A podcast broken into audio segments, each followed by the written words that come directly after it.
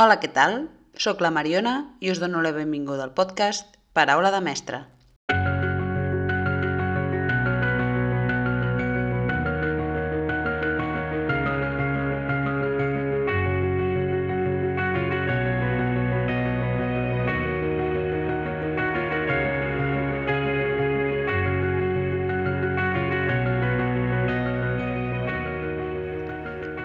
Comencem tercera temporada.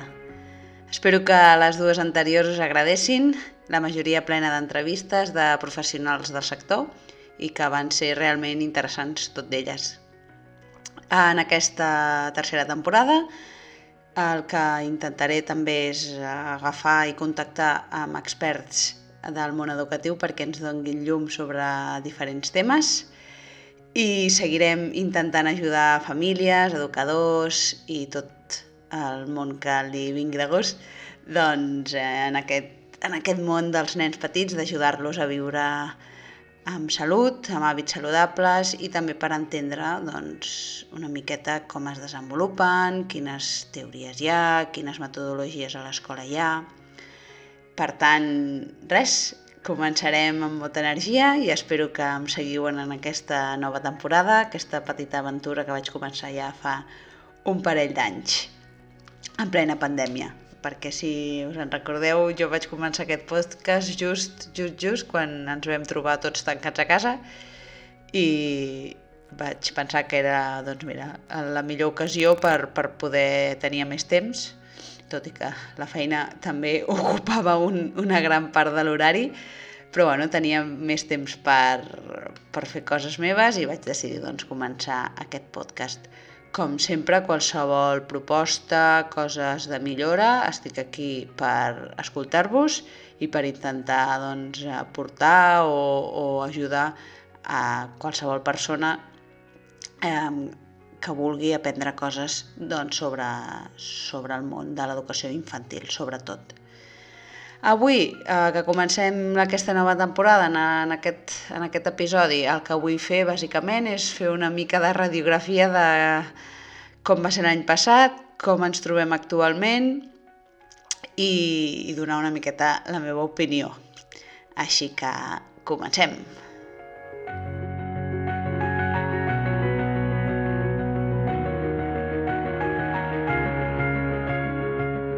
Doncs bé, com va ser el curs passat, què, què vam fer, com ens vam trobar...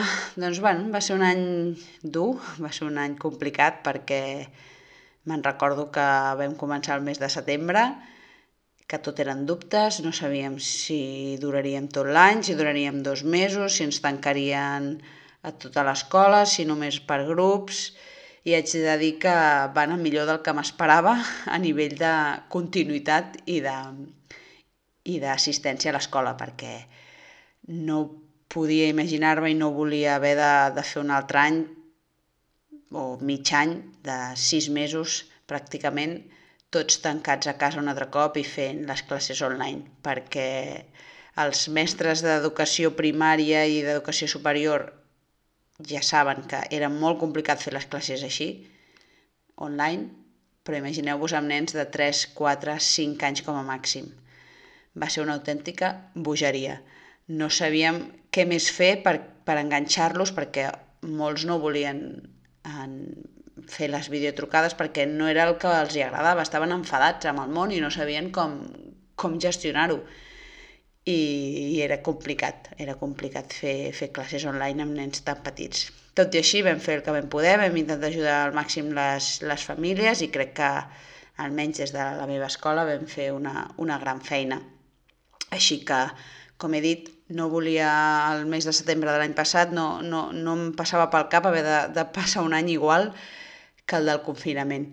Així que amb totes les mesures que podíem i sabíem i que ens deien que havíem d'aplicar a l'escola, doncs, doncs vam començar.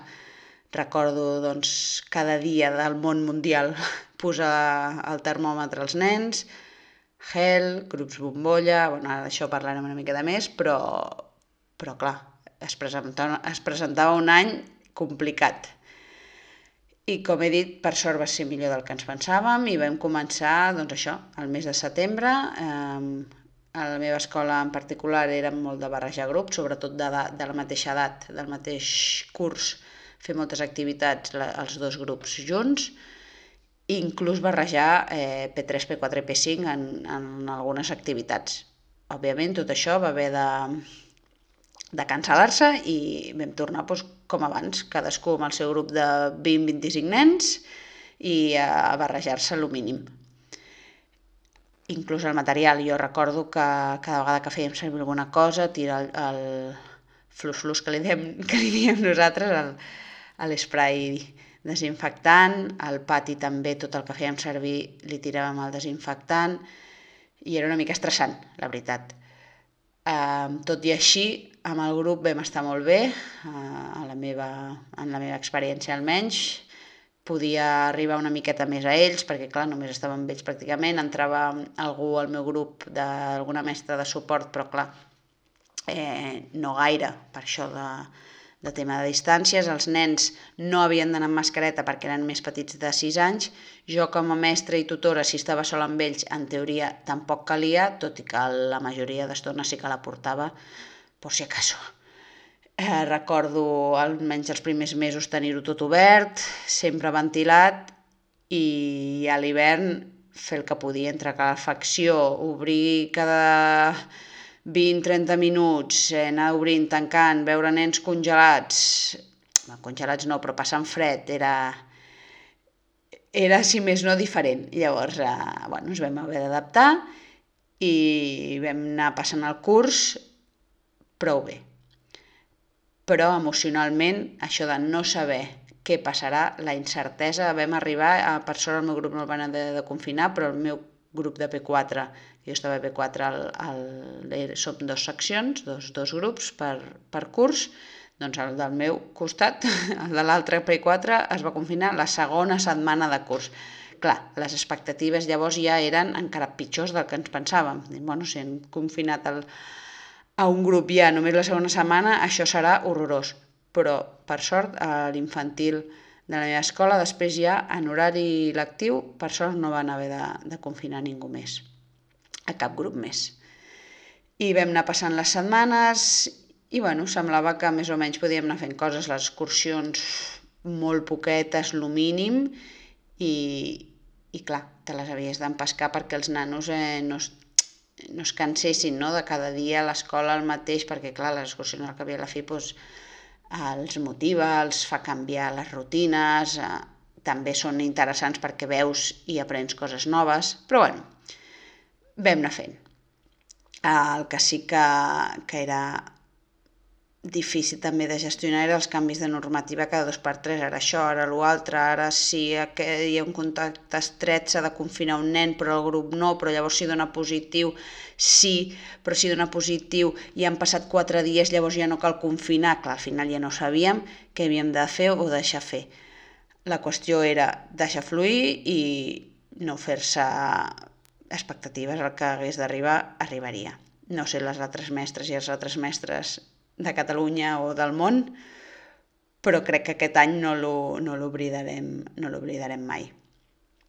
També haig de dir que en aquest sector s'ha demanat molt el de no, és que la feina dels mestres, és que que difícil que ha sigut. Sí, però crec que el nostre objectiu ara no és reclamar l'aprovació la, o el reconeixement de la societat. No l'hem tingut mai, s'ha de dir, per tant no ens ve de nou i, i tots els sectors han, han patit molt en aquesta, en aquesta pandèmia que per mala sort encara no, no ha acabat. Per tant, eh, crec que no ens hem de refugiar o no ens hem d'anar queixant des de que no ens valoren perquè, perquè ho, ho fem i sempre ho hem fet el millor possible, no només ara. Per tant, a seguir endavant i amb la nostra feina, que és de les més boniques del món, almenys per mi. I com es presenta aquest, aquest nou curs? Dilluns 13 de setembre comencem i bé, ja sabem que no hem de posar el termòmetre, però que la resta de, de mesures són pràcticament les mateixes. Clubs bombolla, si entra un adult diferent que no sigui el tutor a l'aula d'infantil ha d'anar amb mascareta, um, ens hem de desinfectar i rentar les mans cada dos per tres, per tant, com que ja ho tenim, ja ho vam fer un any eh, sencer així, doncs seguirem. Serà pesat? Sí, però és l'única manera d'en de, sortir-nos, d'en sortir-nos-en. El que crec que ens ajudarà és no pensar en quan tornaran les mesures normals, quan podrem fer vida normal, perquè això encara ens farà angoixar més. Dia a dia, pas a pas i tirar endavant. No ens queda un altre. També és molt important, crec que en aquest nou curs, una, un aspecte que l'any passat va sortir molt de manifest, que és el de normalitzar les emocions o normalitzar els sentiments de que no ens agrada la situació, no ens agrada com ens sentim anant així a treballar o a l'escola els nens, en el cas dels nens. Per tant, no hem de no hem d'amagar-les i no hem de no hem d'intentar, doncs, eh, ja passarà. Bueno, doncs, si ens sentim malament, ens sentim malament. No, no ho hem d'amagar pas.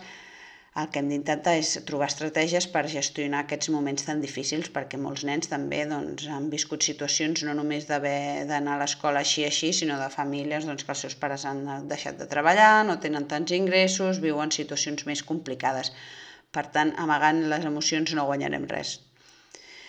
I res, i reptes que personalment em proposo aquest curs? Doncs una miqueta això, no fer-me expectatives, anar dia a dia, intentar uh, fer molta pinya amb el meu equip, crec que és l'única manera de, de sobrellevar, que es diria en castellà, no? de, de passar els dies el millor possible i sobretot amb l'objectiu clar que el que volem és, és educar els infants, és que s'ho passin bé, que aprenguin, que visquin l'escola com un lloc eh, realment agradable, que els hi agradi venir, que els hi agradi relacionar-se amb els companys, que cap i a la fi és el que van trobar més a faltar quan estaven confinats, i, i ser un referent per ells, no? doncs, que es puguin sentir a gust amb mi, que, es, que em puguin explicar el que necessitin, que puguin explicar-me tot el que els preocupa i que em tinguin a mi com una persona de la que poden comptar i que tenen tota la confiança. Aquest és el meu repte prioritari aquest any, ja que seguim en grups bombolla, doncs aprofitarem aquest lligam que es crea no? amb, amb, el, amb el grup. I altres reptes més a nivell professional, ja no tant de mestres, sinó doncs, de projectes personals, doncs amb aquest podcast intentaré proporcionar, com he dit al principi, més ajuda eh, o més visions a, a famílies, a educadors, per sobretot em vull centrar en, en aconseguir que tots tinguem una consciència cada vegada més clara de la importància dels hàbits saludables, no només en l'alimentació, no només en el moviment, que és vital, sinó també en el benestar emocional perquè tots estem i hem patit molt i els nens, encara que semblin que són els que més s'han adaptat, que és veritat, que, que més s'han sabut eh, adaptar i, i passar més fàcilment la, el confinament, no hem d'amagar que va ser molt dur per ells. Recordem que van ser dels últims en poder sortir al carrer. Nens de 3 anys que en 3 mesos no van trepitjar al carrer és molt de temps per tant, eh, cuidem-nos tots plegats, cuidem-nos entre els mestres, cuidem-nos entre, entre mestre i alumne i, i cuidem-nos també a les famílies. I així seguirem. Qualsevol aportació, com he dit, serà més que benvinguda i espero aportar el meu granet de sorra per aconseguir això que he dit de, de tots aquests hàbits saludables. Una abraçada ben forta el mes que ve un altre episodi que de ben segur us agradarà. Serà una entrevista, no us puc dir encara amb qui, però, però serà molt, molt, molt interessant. Res més, espero que us hagi agradat el capítol d'entrada d'aquesta temporada i ens escoltem a la propera. Abraçada!